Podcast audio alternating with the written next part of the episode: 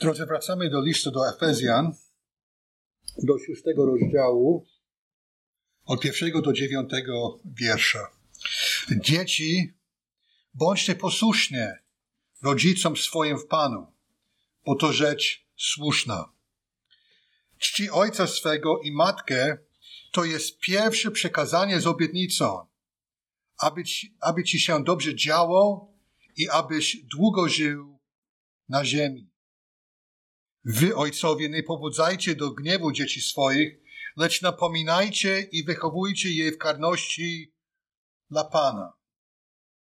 Słudzy, bądźcie posłuszni Panom na ziemi, z bojaźnią i z drzeniem, w prostocie serca swego, jak Chrystusowi.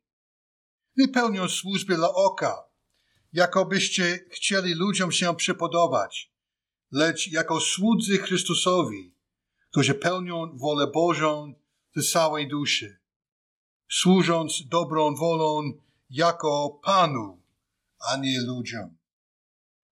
Wiedząc, że każdy, czy niewolnik, czy wolny, otrzyma od Pana zapłatę za to, co dobrego uczynił. A wy, panowie, postępujcie względem nich tak samo.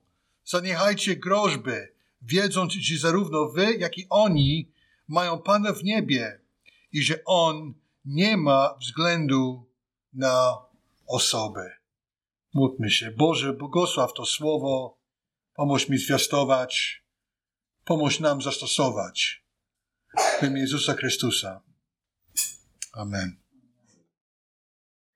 Biblia nie tylko mówi o relacjach między żoną a mężem, tak jak było w piątym rozdziale, lecz o innych relacjach również.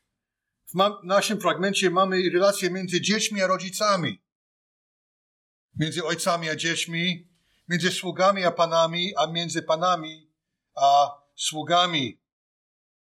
Nie jest to trudny tekst do zrozumienia, ale trudno jest do zastosowania, skoro dotyczy zachowania ludzi i ich woli.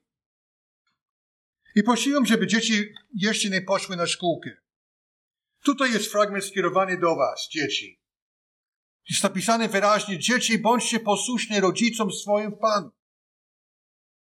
Bo to rzecz słuszna. Czci ojca swego i matkę to jest pierwsze przekazanie z obietnicą. Aby się dobrze działo i abyś długo żył na ziemi. Długi, dobry życie na ziemi jest zależne od relacji z rodzicami. Tata i mama mają autorytet dany od Boga. Słowo Boże mówi, że dzieci mają być posłuszne rodzicom swoim w Panu. Dzieci powinny być szczęśliwe, że mają rodziców w Panu. Jest wiele rodzin dzisiaj, które nie chodzą z Bogiem. I tam znajdziesz nieszczęście, różne tak zwane patologie, strach i złe rzeczy. Dzieci powinny być szczęśliwe, że mają rodziców w Panu. Dziecko jest bezpieczne, kiedy jest posłuszne rodzicom swoim. Nie ma osób, które tak dobrze życzą swoim dzieciom jak rodzice. Nie ma osób, które tak y, chce, żeby dziecko dobrze rosło i był zdrowy i szczęśliwy, jak ojciec i matkę. Stąd czytamy, czci ojca swego i matkę. To jest pierwsze przekazanie z obietnicą. Aby ci dobrze działo i abyś długo żył na ziemi. Paweł tu przytacza, czyta cytat dekalogu. Zarówno w Księdze Powtórzonego Prawa, jak i w Księdze Wyjścia jest ta sama obietnica powtórzona, czyli dwa razy. Bóg mówił dzieciakom, żeby były rodzicom posłuszne. Koloson 3,20 mówi też w podobnym duchu. Panu się podoba, kiedy dzieci są posłuszne rodzicom swoim. Werset brzmi tak. Dzieci, bądźcie posłuszni rodzicom we wszystkim, albowiem Pan ma w tym upodobania. Czasami polecenie rodziców brzmią bez sensu. Mama mówi, nie dotykaj. Ponieważ mama wie, że tam jest prąd. Kiedy byłem mały, moja mama mi powiedziała, żebym nie dotykał żelazka. Ale kiedy mama nie patrzyła, dotknąłem żelazką całą ręką. Tak. I, i to boli. I mama przyszła, żeby mi pomóc. Dzieci mają różne pomysły i często nie są słuszne. Mamy i tata są błogosławieństwem dla dzieci. Biada dzieciom bez rodziców, które są sierotami, mieszkają w domu dziecka albo u y, kogoś w y, rodziny zastępczej. Rodzice kierują dziećmi, żeby im dobrze wyszło w życiu. Kiedy dzieci staną się nastolatkami, często myślą, że wiedzą już wszystko i nie trzeba słuchać rodziców. Jest to niebezpieczeństwo dla młodej osoby, ponieważ wiele błędów życiowych jest popełnione, kiedy dzieci są nastolatkami. Kiedy dzieci są w wieku od 16 do 20 lat, mogą popełnić błęd, popełniać błędy, które mają wpływ na całe ich życie. Jeśli nie uczą albo mają złych znajomych, którzy prowadzą w złym kierunku. Rodzice są, żeby kierować dzieckiem od niebezpieczeństw, o ile dziecko jest, o ile dziecko słucha. Słuchanie rodziców jest miejscem bezpiecznym dla dziecka. I rodzice mają obowiązek, kiedy dzieci są małe, żeby zapewnić, żeby, żeby słuchały dla własnego bezpieczeństwa i dobra. Może powiedzieć, że kiedy dzieci są małe, rodzice mają dwa cele wychowania dzieci. Pierwszy, żeby szanowali rodziców i słuchali ich, oraz żeby dziecko nie służyło innym Bogom tego świata. Jeszcze jeden fragment, zanim pójdziecie na szkółkę dzieci. To jest z pierwszej księgi Samuela. I mamy przykład nieposłusznych dzieci, już w dorosłym wieku. To są synowie Heliego. Jest napisane, że ale synowie Heliego byli niekczemni i nie znali Pana. Nie trzymali się prawa obowiązu obowiązującego kapłanów i lud. A gdy Heli zastarzył się bardzo i dowiedział się o, o, o wszystkim, co jego synowie czynili całemu Izraelowi, a także o tym, że obcowali z niewiastami, które służyły u wyjścia do namiotu zgromadzenia, mawiał do nich, czemu dopuszczacie się tych złych rzeczy? O których słyszę, jako o waszych złych uczynkach yy, yy, słyszę od całego tego ludu. Nie tak, moi synowie, gdyż niedobra ta rzecz, yy, którą słyszę i którą lud Pana rozpowszechnia.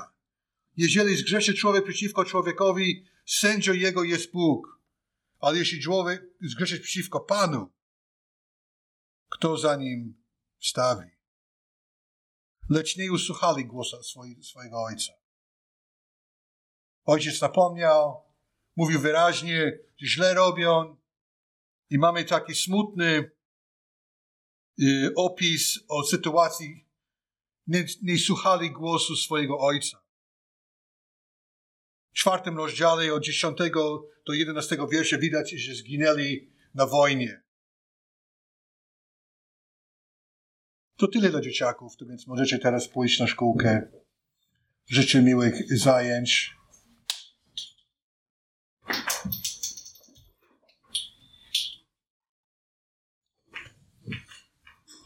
Paweł tu pisze teraz do ojców. A wy, ojcowie, nie pobudzajcie do gniewu dzieci swoich, lecz napominajcie i wychowujcie je w karności dla Pana. Kiedy mamy bardzo dużo nieuzasadnionych przepisów dla dzieciaków, możemy pobudzać ich je do gniewu. Powinny, powinny być zasady i ograniczenia, ale należy, żeby takie sprawy były uzasadnione i w zależności od wieku wytłumaczone dzieciom, żeby zrozumiały, o co chodzi. Oczywiście dwuletnie dziecko y, nie jest w stanie y, zrozumieć zasad, Ale jeśli dziecko ma 5 lat, 6 lat, 7, powinniśmy wytłumaczyć, dlaczego daliśmy takie polecenie, czy nakaz, czy zakaz, y, żeby zrozumieli o co chodzi. Żeby celowo nie pobudzać do gniewu. Mamy napominać i wychowywać w karności dla Pana. Mamy często zwracać uwagę naszym dzieciakom i napominać je. Mamy wychowywać w karności. Mamy dać kary dzieciom stosowne do, do ich zachowania.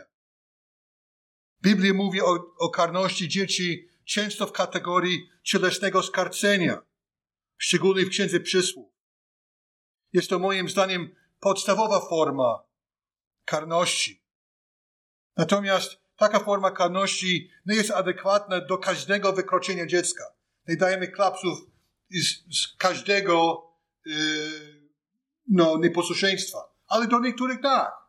Kłamstwo yy, różne. To rodzice muszą po prostu zdecydować.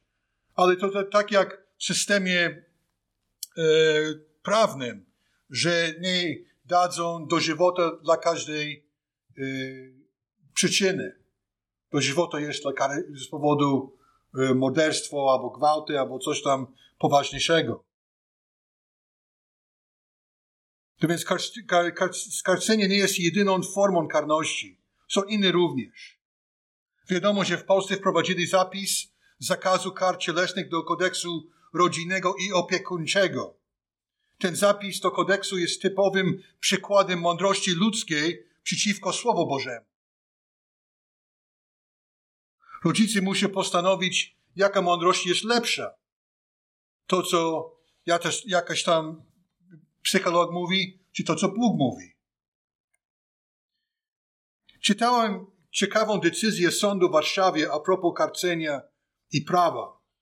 Stwierdza, że jednorazowy czy nawet kilkokrotne skarcenie dziecka, tak zwane klapcem, jakkolwiek jest przedmiotem licznych kontrowersji co do zasadności takich metod wychowawczych, nie jest równoznaczny z biciem. Sąd tak mówi. W Polsce teraz, moim zdaniem, z powodu tego zapisu do kodeksu wychowujemy pokolenie nieposłusznych i niegrzecznych dzieci. Ponieważ nie zastosujemy biblijnych metod, i dzieci, a dzieci potem nie słuchają rodziców. Jest to przykre i niebezpieczne dla dziecka, dzieciaków. Mówi on o tym, kocham, nie bije, takie rzeczy, ale w zasadzie dziecko jest niebezpieczeństwie, bo nie słucha rodziców. Nie ma uwagi na to, co tata mówi, czy co mama mówi. I, i zamiast ocalić najmłodszych, po prostu robią, e, żeby dzieci były w niebezpieczeństwie. Tak jak czytaliśmy, posłuszeństwo dziecka wobec rodziców jest przedmiotem błogosławieństwa i długiego życia dla syna lub córki, ale dziecko musi słuchać. Ojcowie są powołani do niepobudzania dzieci do gniewu, lecz do wychowywania i napominania w karności dla Pana. Kiedy na, narzucamy bardzo dużo restrykcji i praw na dzieci, one są pobudzane do gniewu. Wiadomo, że wychowanie dzieci wymaga dużo mądrości, wytrwałości, miłości i stanowczości. Mamy trzymać wszystko w jakimś bilansie. Kolejna grupa, słudzy.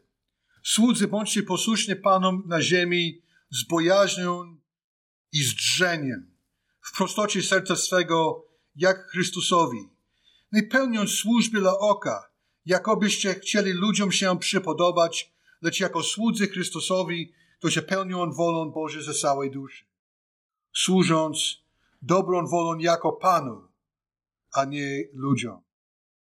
Wiedząc, że czy każdy, czy niewolnik, czy wolny otrzyma od Pana zapłatę za to, co dobrego uczyni. Kwestia posłuszeństwa pojawi się jeszcze raz w relacji między sługami a panami. Dzisiaj nie mamy w Polsce e, poddaństwa tak jak kiedyś. To więc dotyczy raczej relacji między pracownikiem a pracodawcą. Sługa i Pan. Nie mamy pracować dla oka, to znaczy, że tylko, tylko kiedy szef na nas patrzy. Lecz jako słudzy Chrystusowi mamy służyć i pracować jak dla Pana. I od Pana otrzymujemy zapłatę za to, co dobrego czynimy. Ciekawe, że otrzymujemy zapłatę od Pana, za jaki sposób pracujemy.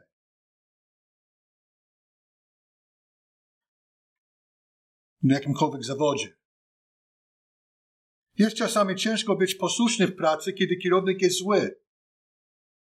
On daje nakazy i polecenia, a czasami on nie zna sprawy, jak y, ten pracownik zna. Mamy w takich sytuacjach być pokorni i szacunkiem możemy zasugerować y, pracodawcy inny plan działania. Jeśli się zgodzi, sprawa idzie do przodu. Jeśli, mo, jeśli nie, może być niepowodzenie, ale to nie moja wina. To jest jego wina za ten y, projekt, czy plan, czy program. Natomiast odpowiedzialność za to niepowodzenie należy właściwie od niego, u szefa. Kiedy jesteśmy posłuszni pra- pracodawcom, Słowo Boże mówi, że postępujemy jako słudzy Chrystusowi, którzy pełnią wolę Bożą. To jest ciekawe, że pełnimy wolę Bożą w pracy poprzez y, dobre świadectwo y, w naszym zawodzie. Są dwa słowa w tym liście, które dużo y, mówią o nastawieniu i naszym postępowaniu. I to jest to słowo uległość, którą y, widzieliśmy w 21 wersecie i 22 wersecie 5 rozdziału oraz słowo posłuszeństwo.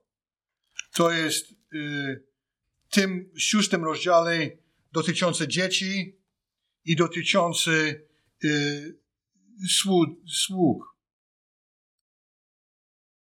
Z powodu naszej natury ludzkiej te słowa są często trudne do zaakceptowania. Często chcemy zrobić swoje, a nie słuchać innych. Zarówno w pracy, jak i w domu. Robić swoje. Zwróćcie uwagę na Efezjan 6:5. Słudzy, bądźcie posłuszni Panu na ziemi, z bojaźnią i z drzeniem, w prostocie serca, jak Chrystusowi. Posłuszeństwo, bojaźń, drżenie, w prostocie serca swego. Chrystus powołuje nas do pokornej postawy wobec naszych pracodawców, naszych panów. Jest napisane, że każdy, czy niewolnik, czy wolny, otrzyma od Pana zapłatę za to, co dobrego uczyni. Pan może wynagrodzić nam w tym życiu przez różne błogosławieństwa, ale z pewnością wynagrodzi nam w przyszłym. Zapraszam do, drugiej, do drugiego listu do Koryntian. Piąty rozdział, dziesiąty werset. A propos przyjęcie zapłaty za to, co robiliśmy w ciele. Drugi list apostoł Pawła do Koryntian, piąty rozdział, y, dziesiąty werset. Albowiem my wszyscy musimy stanąć przed sądem Chrystusowym, aby każdy odebrał zapłatę za uczynki swoje dokonane w ciele, dobry czy zły. Aby każdy odebrał zapłatę za uczynki swoje. Musimy stanąć przed sądem. Słowo sądu jest bema i w kulturze pierwszego wieku bema to była ława sędziowska, skąd y, wyroki i postanowienia zostały wydawane. Bema. Paweł przypomina, że cała ludzkość będzie sądzona przez Chrystusa i on wydaje swoje postanowienia. List do Rzymian 14:10 jest w podobnym, w podobnym stylu napisany. Wszak wszyscy staniemy przed sądem Bożym. Rzymian 14:10. Jest pogląd teologiczny, że sąd dla wierzących i niewierzących będzie odbywać zupełnie oddzielnie. Ten pogląd wyznacza jako Bema, czyli sąd dla wierzących, a także sąd ostateczny dla niewierzących. I to wynika częściowo z Ewangelii Jana, piąty rozdział od 22 wiersza. I y, drugi list Piotra 3,7. Ewangelia Jana 5, 22 i dalej. Bo i ojciec nikogo nie sądzi, lecz wszelki sąd przekazał synowi, aby wszyscy czcili syna, jak czczą ojca. Kto nie czci syna, ten nie czci ojca, którego posłał. Zaprawdę, zaprawdę powiadam wam, kto słucha mego i wierzy temu, który mnie posłał, ma żywot wiecznie i zwróćcie uwagę to, co jest napisane. I nie stanie przed sądem, lecz przyszedł ze śmierci do żywota. Ale my czytaliśmy przed chwilą z listu do Koryntian, my wszyscy, Paweł mówiąc do wierzących, staniemy przed sądem. To więc Jezus mówił, że z jednej strony nie będziemy sądzeni, a Paweł mówi, że będziemy jednak yy, przed tą bemą. Jak zrozumieć? Zrozumieć to, że to są jakby dwie instancje. Tak jak my mamy sąd rejonowy, sąd okręgowy, sąd najwyższy. To są różne instancje. I w niebie będzie podobne. Będzie sąd dla wierzących, że wszystkie nasze uczynki będą y, prześwietlane i otrzymamy nagrody albo nagane. To też wynika z pierwszego listu Koryntian, trzeci rozdział. Ale również jest sąd dla niewierzących. I o to Jezusowi chodzi, że na ten sąd nie pójdziemy. To jest sąd, może powiedzieć, e, winnych i będzie potępienia. I to jest sąd ostateczny. Niewierzący będą na sądzie osądzeni, lecz potem będą potępieni, a ich uczynki tylko mogą świadczyć przeciwko nim, wcale nie usprawiedliwiając ich. To widać w objawieniu 20 rozdział od 12 wiersza. I widziałem umarłych, wielkich i małych, stojących przed tronem. I księgi zostały otwarte, również inna księga, księga żywota, została otwarta. I osądzeni zostali umarli na podstawie tego, co zgodnie z ich uczynkami było napisane w księgach. I wydało, um, wydało morze umarłych, którzy w nim się znajdowali. Również śmierć i piekło wydały umarłych, których w nich się znajdowali. I byli osądzeni każdy według uczynków swoich. I śmierć i piekło zostały wrzucone do jeziora ognistego. Owo jezioro ogniste to druga śmierć. I jeśli ktoś nie był zapisany w księdze żywota, został wrzucony do jeziora ognistego. Ja uznaję taki pogląd, że są dwa, jakby dwie instancje. Jeden dla wierzących, a jeden dla niewierzących. Może być y, też jeden sąd podzielony na dwie części. My po prostu tego nie wiemy. Ale rozłożone w ten sposób, żeby zatrzymać słowo Jezusa, który mówi, że nie, wierzący nie chodzą na sąd, ale również, żeby podtrzymywać to słowo apostoła Pawła, mówiąc, że my wszyscy będziemy sądzeni. Pastor John Piper wytłumaczył to w ten sposób. Wszyscy chrześcijanie staną przed Chrystusem jako sędzią, albowiem my wszyscy stanąć przed sądem Chrystusowym, aby każdy otrzymał zapłatę za uczynki swoje dokonane w ciele, dobre czy złe. I to nie dotyczy niektórych z nas, ale wszystkich z nas. Wszak wszyscy staniemy przed sądem Bożym. I Bóg dał mu władzę sądzenia, bo jest synem Chryst człowieczy. Nasz, naszym sędzią będzie Chrystus. Jest to miejsce Bożego Sądu. Zatem Bóg Syn i Bóg Ojciec są jedni w swoim sądzie, ale Syn jest tym, który będzie naszym bezpośrednim sędzią, żeby zajmował się nami. Kiedy stajemy przed Chrystusem, jak przed sędzią, będziemy sądzeni na podstawie naszych uczynków. Albowiem y, w tym życiu y, y, mamy wszyscy stanąć przed sądem Chrystusowym, aby każdy otrzymał zapłatę za uczynki swoje dokonane w ciele dobre czy złe. Więc Nie pracujemy dla oka. Żebyśmy otrzymali nagrodę od Pana w dniu sądu.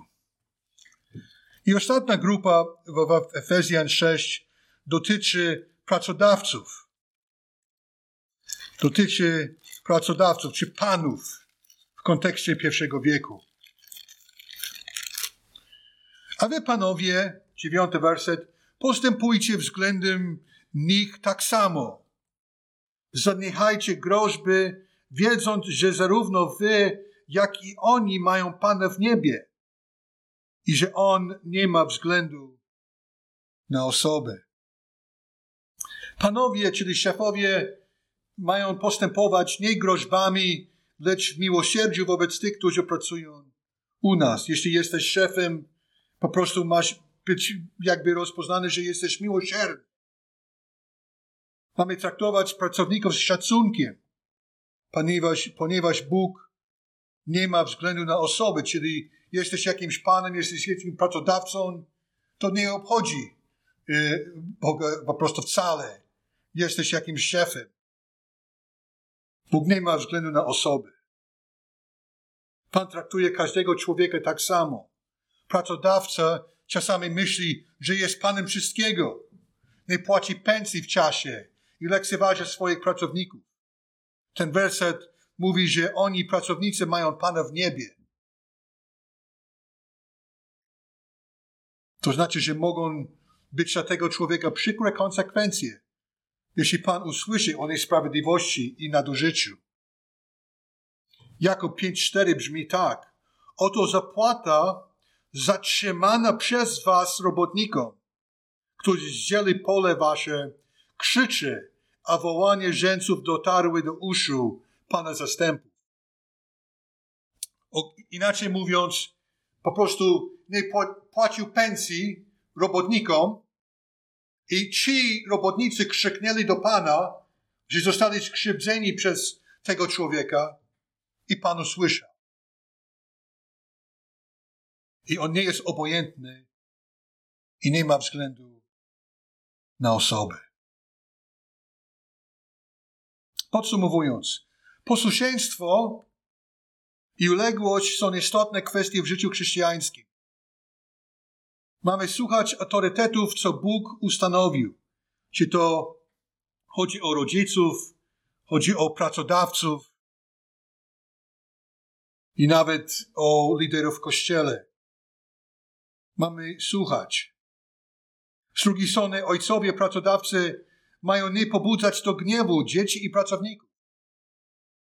Będziemy osądzeni na podstawie naszych uczynków, a nie zbawieni. Jesteśmy zbawieni dzięki łasce. Ale to nie oznacza, ta łaska nie oznacza, że nasze uczynki nie będą, będą yy, prześwietlane. Niektórzy otrzymują nagrodę, a niektórzy nagany. Wszystko jest jawne przed Bogiem.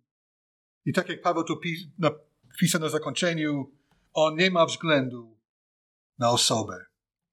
Amen. Powstajmy i zapraszam do wspólnej modlitwy. Boże, pomóż nam, jeśli jesteśmy rodzicami, wychowywać nasze dzieci w karności dla Pana. Pomóż nam, Boże, y, zostawić świeckie metody i zastosować Twoje słowo. Zarówno w trudnych sytuacjach, jak i w lekkich, żebyśmy zastosowali mądrość i miłosierdzie również w wychowaniu naszych dzieciaków. Pomóż nam w pracy, Panie, pracować nie dla oka, ale pracować, y, żeby otrzymać nagrody od Ciebie. I jeśli, jesteśmy w stanie, y, że mamy pracowników pod sobą, żebyśmy traktowali ich z, miłosierdziem i szacunkiem. Poprosimy w imię Jezusa Chrystusa. Amen.